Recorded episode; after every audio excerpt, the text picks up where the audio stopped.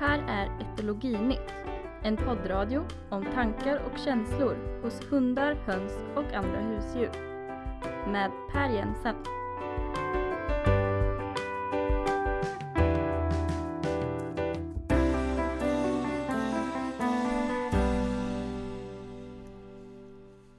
Mona, Ja, är du eh, högerhänt eller vänsterhänt?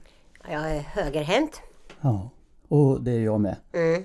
Det delar vi ju med ungefär 90% av befolkningen. Mm. Sen finns det de här då, en av tio som är vänsterhänta. Och eh, några enstaka som är varken det ena eller det andra.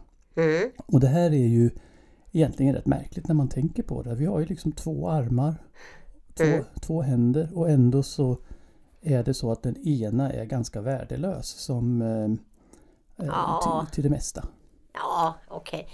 Tar i lite där va. Ja men du Mm. kanske är bättre på att använda vänstern än vad jag är för, Mm. för jag är helt usel på allting med vänsterhanden.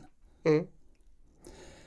Idag ska vi prata om det här för eh, det är ju faktiskt eh, eh, inte bara märkligt eh, utan det är faktiskt också ett sätt att eh, få en slags insikt i vad djur känner och inte minst våra hundar.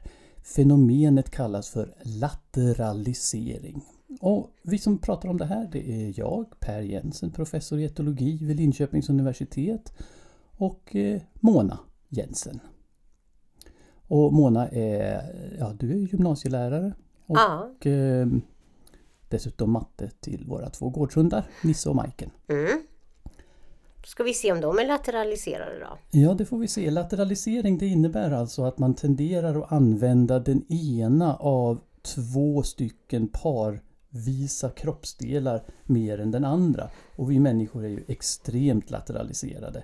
Hundar är ju inte alls lika lateraliserade eller lika vridna kan vi väl säga utan de, de, de eh, där är det lite mer slumpen som avgör om de använder vänster eller höger tass till exempel. Men vi ska återkomma till det här i slutet av programmet för att en del hundar är verkligen mer lateraliserade.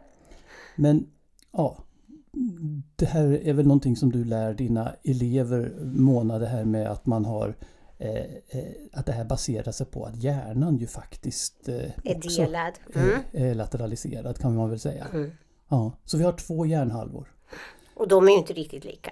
Eller de används ju inte på samma sätt. Nej, man ser ju inte riktigt skillnad på dem med blotta ögat. Om man skulle ta en hjärna och, och, och skära av den så att säga på längden, dela den i två halvor så ser det ju ut som två exakt likadana saker. Mm. Men under ytan där så eh, händer det lite olika grejer. Och rent allmänt kan man väl säga att eh, vänster hjärnhalva tenderar att ha lite mer logiska funktioner. Mm. Och det gäller alla djur, men hos oss människor så är det ju så att vänsterhjärnan innehåller ju till exempel eh, språkcentrum. Mm. Ehm, höger hjärna är då lite mer emotionell kan man säga. Där finns det eh, mycket centra som, som har att göra med vårt känsloliv och, och så vidare. Mm. Det är många som ty- tycker om att säga att jag är högerhjärnad liksom. Så. Men man kanske inte ska dra allt för stora växlar heller på det här. Nej, det ska man inte Nej. göra för att eh, det finns ingen som är liksom högerhjärnad Nej. eller vänsterhjärnad. Men i, i en given situation Mm. så kan det ju vara så att höger och vänster hjärnhalva kanske är olika aktiva. Och det är ju sånt som man kan läsa av. Sen finns det ju en liten krånglighet här. Eh, och det är ju det här med hur nervbanorna går, eller Mm. hur? Mm. Hur de korsar. Ja, Ja. för, för hur, hur, hur är det det där funkar? Alltså du menar det här att det som sker uppe i högra hjärnhalvan visar sig på vänstra sidan eller hur tänker du? Jo, exakt Ja. så. Visst är det så. Mm. Och, och ehm, alltså höger synfält eh, går till vänster hjärnhalvas Mm. synbark till exempel. Högra sidan, högra kroppssidans muskler kontrolleras från vänster hjärnhalva. Mm. Eh, och det är väl helt enkelt bara för att det ska vara lite krångligare att vara, att vara biolog. Ja, det finns säkert någon smart där. Ja, jag har svårt att veta riktigt varför det är, men det är på det sättet. Mm.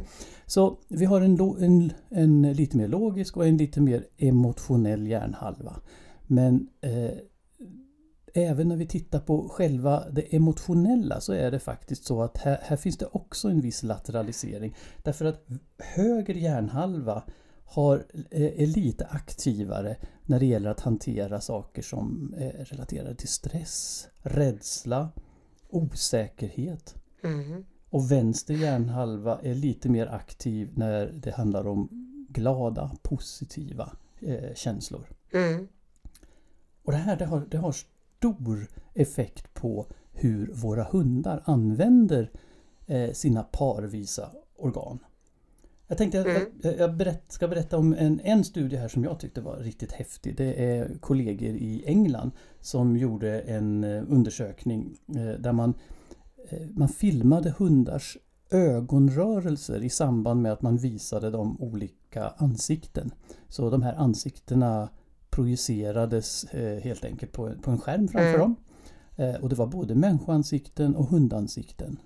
Och en del av de här ansiktena var eh, mer aggressiva. De hade ett, ett, ett ilsket hotfullt uttryck. Andra var neutrala och andra var glada, positiva. Och det gällde som sagt både hundarna och människorna.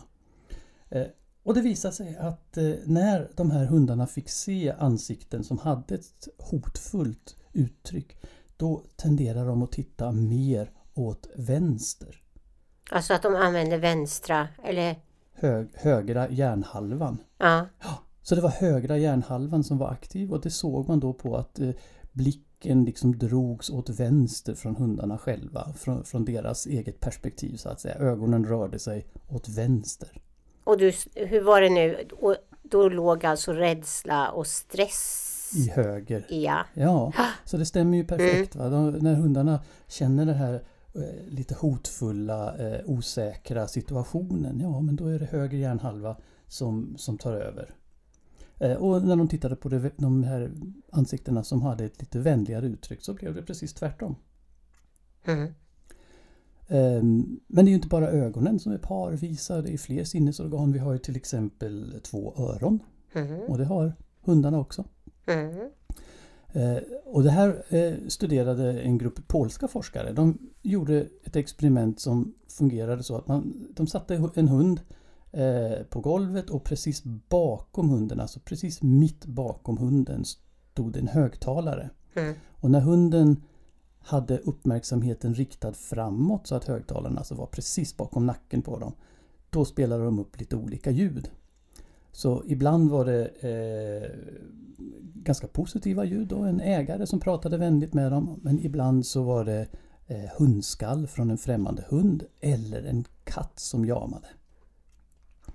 Eh, och när den där katten jamade eller hunden skällde då vände sig hunden. Det var ju det man ville studera. Vilket öra kommer hundarna att använda sig av? Och det kunde man se därför att de vänder sig ju mot högtalaren för att eh, eh, örat ska komma närmre. Och när den där katten jamade eller hunden skällde så var, vände de sig då mot vänster.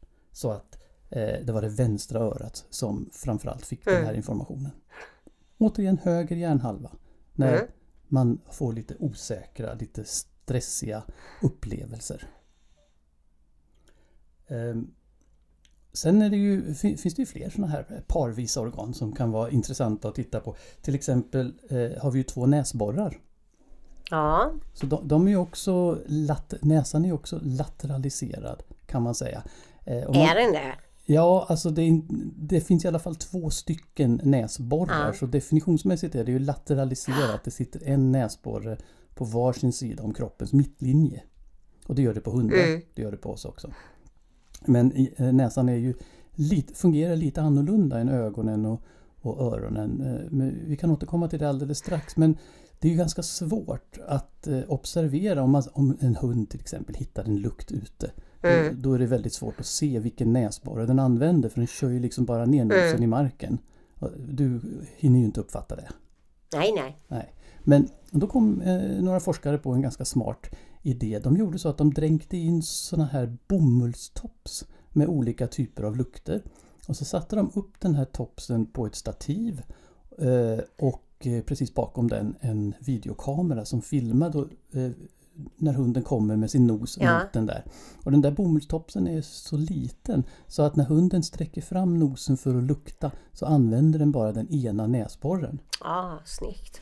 Och då gjorde man så att de här eh, bomullstopsarna dränkte man i med lite olika dofter, det var eh, matlukt till exempel. Och eh, som alternativ då så hade man också eh, topsar som var indränkta med lukt ifrån den veterinär som behandlade hunden. Ja, lite tråkigt för den där stackars veterinären som ju bara vill väl men hundarna upplever det nog inte alltid så. Eh, och man hade också bomullstopsar som var indränkta med rent adrenalin, Oj. alltså stresshormon. Mm. Och återigen visade det sig att de använder de här eh, de, de, de luktar på de här eh, olika dofterna med olika näsborrar. Och den här gången så blir det lite tvärtom mot vad man kanske skulle tänka sig mot det vi har berättat tidigare. Därför att eh, matlukten den snuffar de på med vänster nos, vänster näsborre. Och de här otäcka lukterna från veterinären och adrenalinet med höger. Och då skulle man ju tro att det var tvärtom mot vad vi pratade om tidigare. Men Mm. det stämmer ju inte för näsans nerver är ju annorlunda, eller hur? Mm. De rusar rakt in. Ja, de korsas inte. Nej, precis. Så det är ju lite speciellt med luktsinnet. Så Mm. faktum är att det, resultatet är helt i enlighet med det som vi har sett tidigare. När det är ett mer stressigt, obehagligt stimulus, ja, men då är det höger hjärnhalva som tar hand om informationen. Och då är det Det höger. skulle man ju kunna kolla, göra det försöket hemma. Det tror jag absolut Ja. man skulle kunna göra därför att om, om det bara är en liten eh, luktfläck eh, så hinner man ju faktiskt med att se vilken näsborre som, Mm. som hundarna använder. Eh, och allt det här är ju jättespännande. Eh, men det finns en sak som eh, jag själv tycker är kanske roligare än det mesta andra inom den här lateraliseringsforskningen.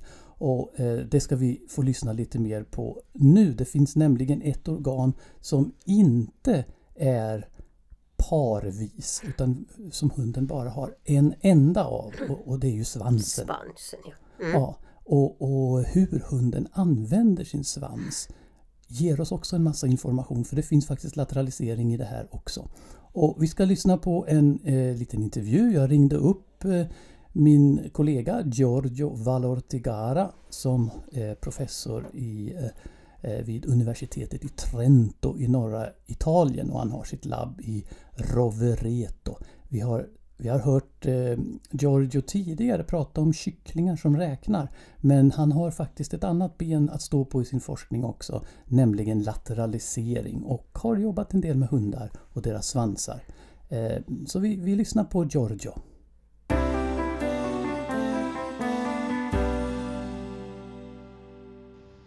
So Giorgio Valortigara, welcome back to this radio pod and uh, we talked to you uh, uh, recently on a very different subject uh, compared to what we're talking about today because now uh, the topic is laterality and this is a subject which you have been working extensively on as well and of course in one of my own favorite species in in dogs Yeah. and uh, uh, I think that um, uh, when I read your paper uh, on the tail wagging, that was an eye opener for me uh, some years ago. So, what you actually claimed in this paper was that a tail of a dog does not wave totally as- uh, totally symmetric. There's a certain asymmetry to the wagging, and that tells us something about the emotions of the dog. Could you tell me a little bit more about that? Yeah, I think that it, it could be interesting to to to to describe a little the reason for this that may appear very weird, very strange sort of research because uh, well, asymmetries in behavior are very well studied in a variety of species. Uh, for instance, there are, well, in our species, the more clear example is the preference for using the right hand or the left hand, for instance. But usually, this sort of research is done for paired organs, like, for instance, uh, hands or, or eyes or ears.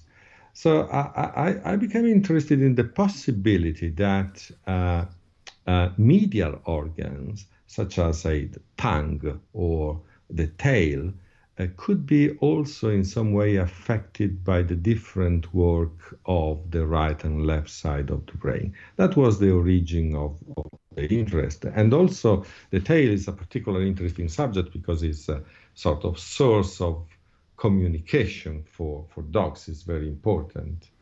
Um, so we decided to perform a very, very simple test in which uh, dogs were presented with different type of stimuli.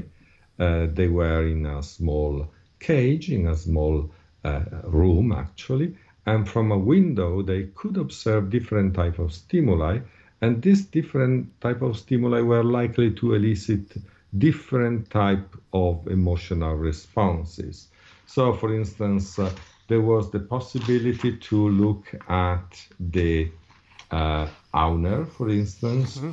the possibility to look at a cat, a potential prey, or the possibility to look at um, a, another dog, another dog, uh, uh, a dominant one with a, an aggressive attitude. And what we measured during the um, period of observation was simply the movement of the tail. Obviously, during tail wagging, the tail is moved both to the right and to the left. Uh, but from the video recording, by looking uh, single frame by frame of the, uh, at the movement, uh, we try to check whether the amplitude, the size of the movement to the right or to the left were symmetrical or were asymmetrical. And the reason for doing that is that we knew from the anatomical point of view that basically the movement to the left or to the right is controlled by structures in the opposite part of the brain.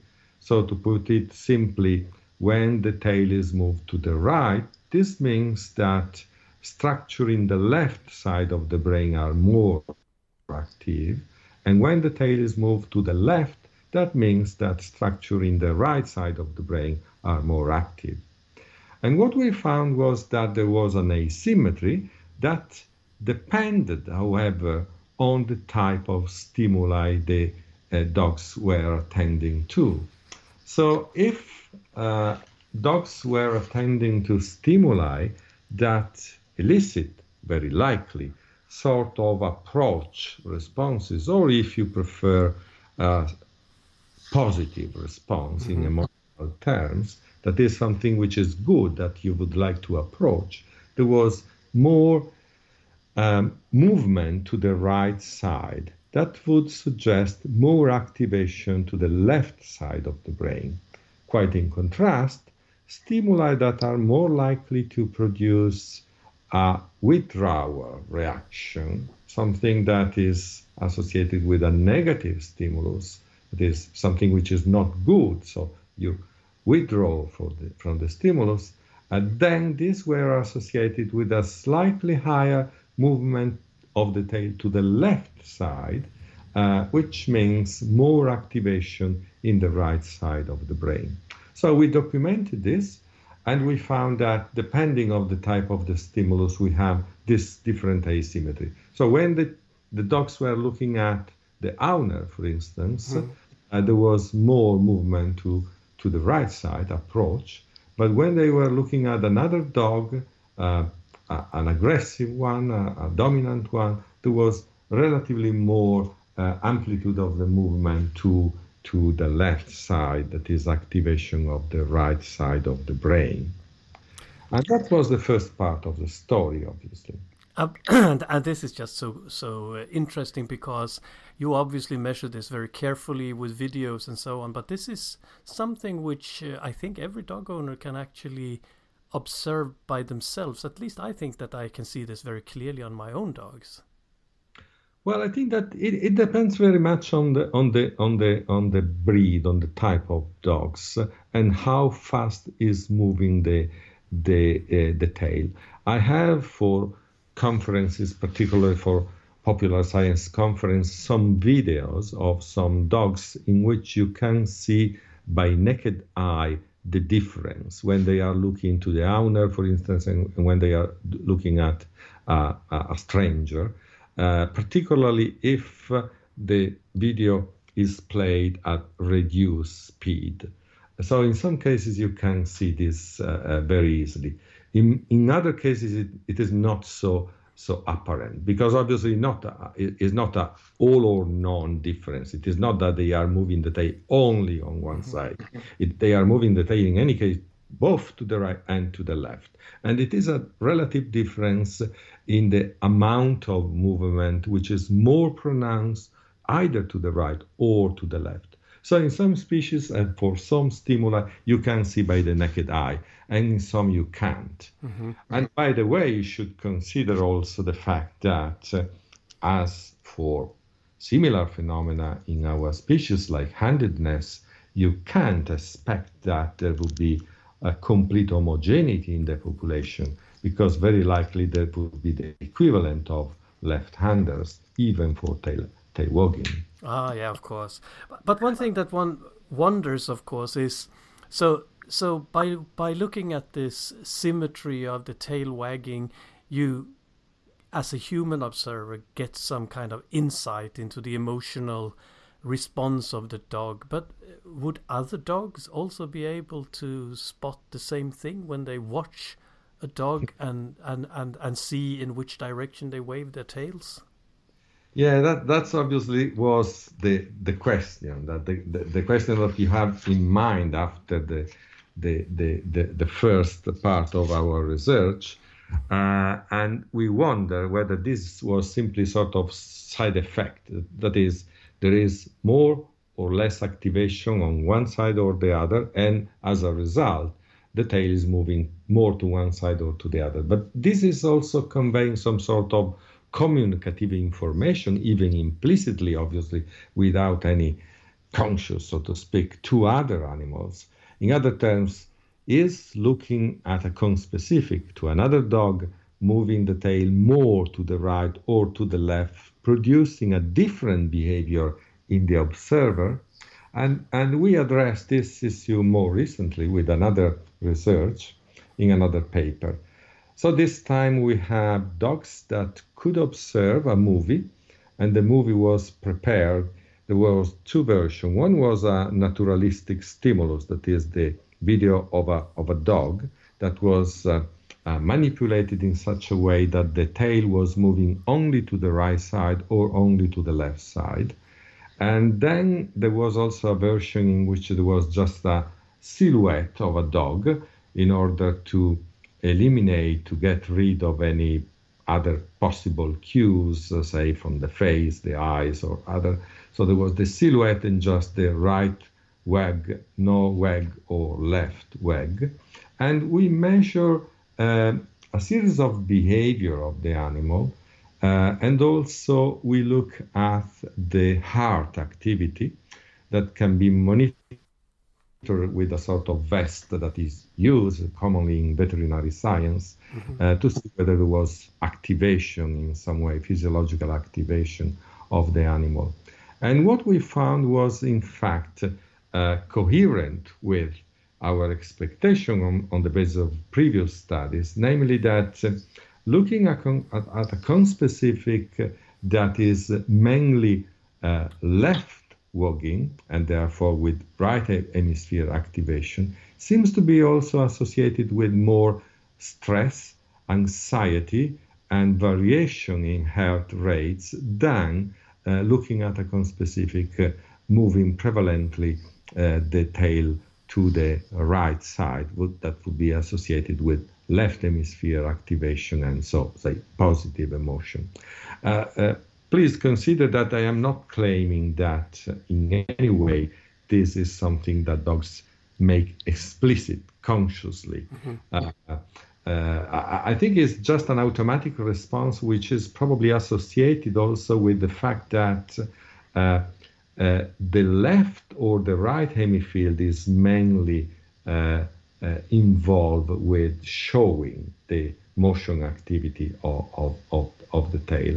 And therefore, this could be the reason why they show this sort of response. Mm. But guys, the interesting thing is, is that uh, for um, pet animals, for domestic animals, there, there is a possibility, as, as you say, that a very simple behavioral measure that are not invasive in any way, not disturbing the animal in any way, can offer a window in some way to their emotional world. Ah, that is really fantastic. So, I think that this will um, uh, prompt many of our listeners to go straight ahead and have a look at their dogs and, and, and pay some careful attention to which side they wag their tails.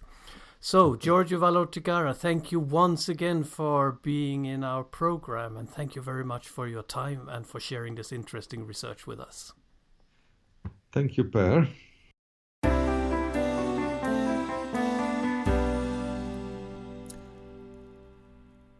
Ja, det där var Giorgio Valortigare. Har du tänkt på det här med svansar? Hundens, hur hunden rör sin svans?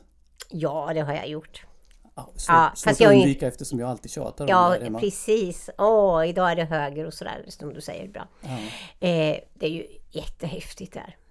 Ehm, och, och vi har ju en hund, eh, Majken framför allt, som ju är övertydlig med sin svans. Mm. Eh, Inte bara svansen utan hon viker ju hela kroppen som en mäla när hon ska hälsa när man kommer hem från jobbet till Mm. exempel. Eh, och svansen går intensivt så hon nästan slår sig själv i ansiktet med svansen på höger sida såklart. Mm. Och lilla Nisse kan ju inte det eftersom han är stubbsvansad. Ja, han kan det ändå men det är mycket, mycket svårare Ja. att se. Ja, precis. Och eh, alla som lyssnar på det här och råkar ha en liten mops hemma. Ni får jobba ganska hårt för att få se det här för att eh, den där lilla hopkrullade svansen som sitter upp över ryggen. Det är svårt att se symmetrin och asymmetrin i, i viftningen men jag lovar att den finns där. Det är bara att koncentrera sig. Mm.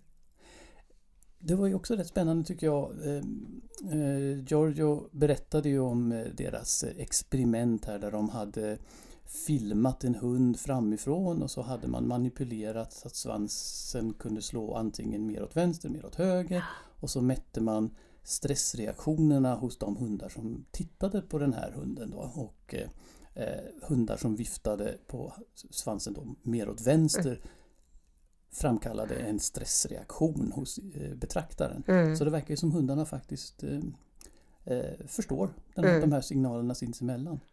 Det låter lite som en extra mun eller någonting sånt eh, om vi jämför med vår. Ja, precis, är en jättebra liknelse. Precis som vi ler och, och, och uttrycker en massa känslor Ja. så händer det grejer. Och alla hundägare är ju medvetna om det här med att eh, om svansen hålls högt så har vi en hund Mm. som är, som är eh, självsäker och framåt och så vidare. Men svansen ner mellan benen Mm. betyder någonting helt annat. Så här kommer ytterligare en dimension då. Mm. Vänster eller höger asymmetrisk viftning. Ehm, Men eh, det finns andra sätt att studera det här på också hur, hur eh, hundar själva uppfattar det här. En, en grupp kanadensiska forskare gjorde ett väldigt kul experiment tycker jag som kom för ett antal år sedan. Ehm, De gjorde helt sonika så att de byggde en hundrobot. Så Okej. en liten konstgjord hund, den gick väl på små hjul tror jag. Eh, För den kunde fjärrstyra, så den var liksom radiostyrd så de kunde rulla den fram och tillbaka och hit och dit som de ville. Mm. Eh, Och den där robothunden hade ju en svans och den kunde man också fjärrstyra. Så med hjälp av den här lilla radiokontrollen kunde man få den här hunden att eh, rulla dit man vill och, eh, och, och, och få då svansen att vifta asymmetriskt åt antingen det ena eller andra hållet. Sen gav de sig ut i eh, olika städer där det fanns såna här ägarlösa strykarhundar som vi hittar i väldigt många städer på olika håll i världen. Och när man såg en sån flock så släppte man ut den här roboten, lät den rulla fram emot flocken och så viftade man med svansen antingen mot vänster eller åt höger. Och så studerade man reaktionerna hos de här strykarhundarna. Och det var, ja. Ja, och, och de reagerar ju precis som man kan förvänta sig då. Eh, när roboten viftar mer, viftade mer åt vänster så uppfattades den här hunden som lite osäker och ett ganska lätt offer att köra bort. Mm. Men den högerviftande uppfattades som mer vänlig och den tolererade dem på ett helt annat sätt att den var kvar i området. Ja. Ja, det är roligt. Ja, visst är det det. Så, men då är frågan, liksom, spelar det här någon roll egentligen? Alltså det är ju naturligtvis så att det här är spännande på många sätt och vis kan jag tycka för att eh, det här är ju, precis som Giorgio sa i intervjun, det här är ju som ett litet fönster in till hundarnas känsloliv. Man, och och, och fra, den här svansviftningen då till exempel, den slår ju åt vänster och höger. Eh, det kan ju ändra sig väldigt, väldigt snabbt. Eh, på sekunder så byter de asymmetri från det ena till den andra sidan. Och, och det är ju då ett tecken på hur de, hur de faktiskt mm. Eh, mår, upplever, hur deras känslor förändrar sig och så. Men allt det här som vi har pratat om så här långt, det handlar ju då om lateralisering som är en slags reflektion av, av känslor. Men sen är det ju faktiskt så att en del hundar är mer eller mindre starkt eh, lateraliserade över tid så att säga. Ungefär som vi då är höger eller vänsterhänta. Mm. Så det finns hundar som är mer ska vi säga, högertassade, andra som är mer vänstertassade. Det här kan man testa själv hemma. Det är ganska kul faktiskt att se. Eh, troligtvis så har man en hund som inte är vare sig det ena eller det andra. För de allra flesta hundar de liksom växlar. Ibland använder de högertassen, ibland använder de vänstertassen. Men en del hundar tenderar att använda den ena tassen mer än den andra. Och det kan vara både höger och vänstertass. Men eh, man, om man har något enkelt test så kan man göra om det många gånger och så ser man i hur många procent av fallen använder de sin högertass. Mm. Eh, till exempel några enkla grejer man kan göra. Ta en post-it-lapp och eh, sätt hunden och sen så eh, tejpar man fast den där lilla post-it-lappen eller trycker fast den på ovansidan av nosen. Det här ja, och sen ska den riva bort den då. Ja. ja. Och nästan alla hundar använder framtassarna till det här. Mm. Och då kan man se, använder de höger eller vänster tass för att ta bort den där? Eh, och, så gör man om det där vid, vid olika tillfällen, kanske, kanske 20-30 gånger och så räknar man efter. Är det så att de använder höger och vänster i ungefär lika stor utsträckning eller har de en tendens att göra det ena eller det andra?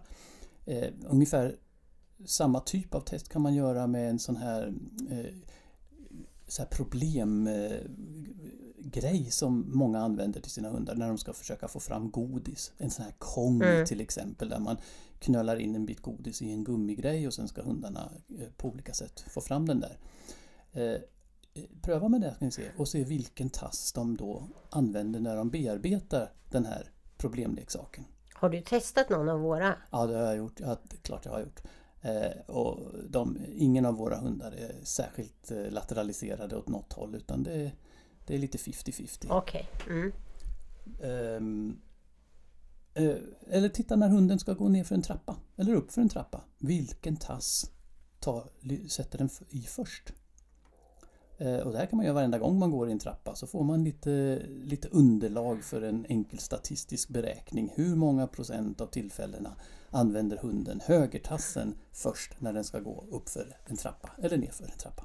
Och vi är högerfotare eller vänsterfotare också va? Absolut, mm. men hos oss är det ju lite märkligt det här att eh, det är ju inte hundraprocentigt eh, korrelerat som vi säger. Det vill säga om man är högerhänt är det ju inte alls säkert att man är högerfotad. Nej. Utan eh, det är ju ganska vanligt att, eh, att en högerhänt människa är vänsterfotad. Det är en större variation på hur vi använder våra fötter än vad det är på hur vi använder våra händer. Och det kan man ju spekulera i vad det kan tänkas att betyda. Men, ja. Eh, men med hundarna så är det i alla fall så att vissa hundar är utpräglat mer höger eller vänster tassade men nästan ingen är hundraprocentig. Eh, och, och, och, då kan man fråga, spelar det någon roll då? Och det har visat sig att det här verkar ha större betydelse än man kanske kan tro. Eh, en studie som en grupp australiska forskare gjorde, eh, där tittade man på eh, en grupp hundar och så lät man ägarna beskriva hundarnas beteende på olika sätt i en sån här det, finns olika typer av frågeformulär som man kan använda då för att liksom sålla fram olika drag i hundens personlighet. Så man började med att de fick fylla i en sån här personlighetsenkät om sina hundar. Och sen kollade man med hjälp av sådana här tester som jag just har pratat om. Mm. Är hunden mer eller mindre vänster eller högertassad? Och det visade sig då att hundar som är Bland de hundar som var utpräglat vänstertassade så var det en större andel hundar som utvecklade aggressivitet mot människor enligt den här personlighetstesten.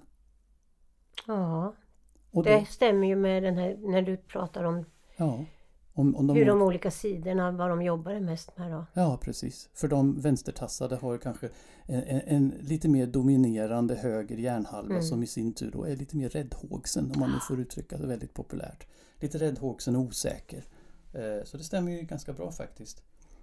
Och logisk, ytterligare logik i det här eh, visar en, en annan studie från, från eh, Australien.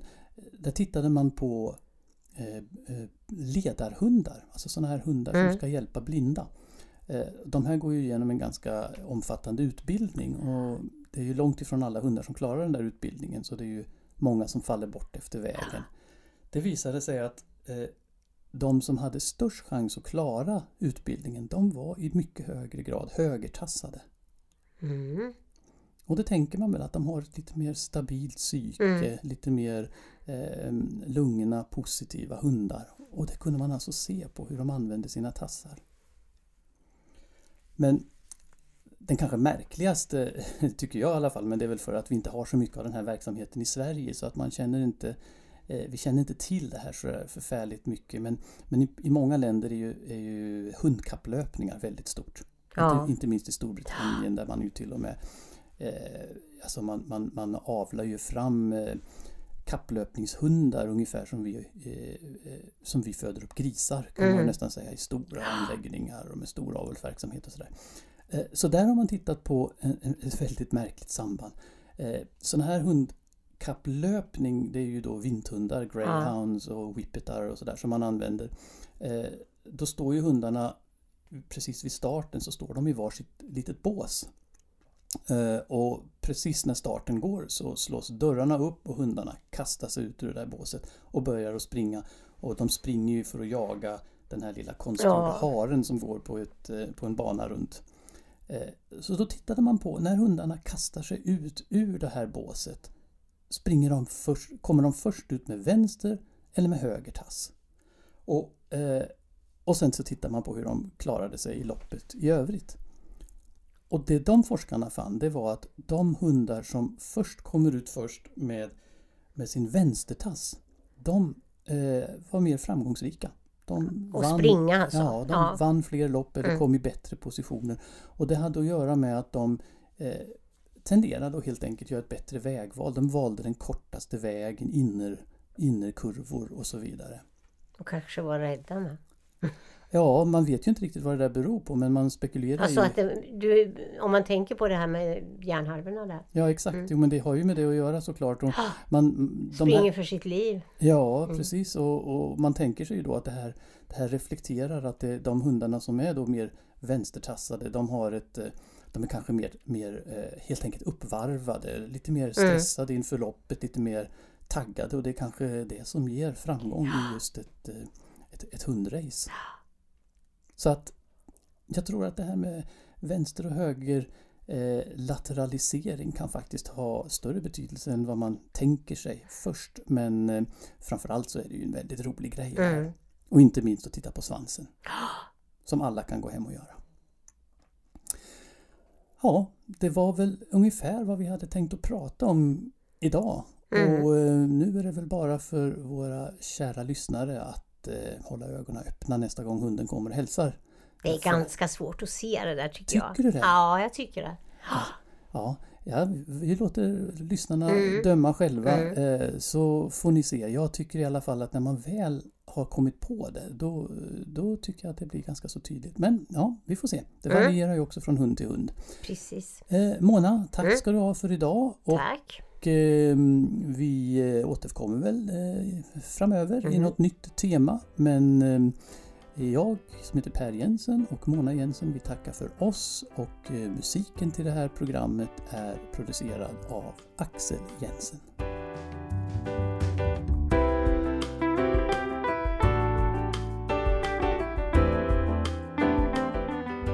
Har hört Etologinytt, en poddradio från text, tal och ton. Producent och programledare var Per Jensen.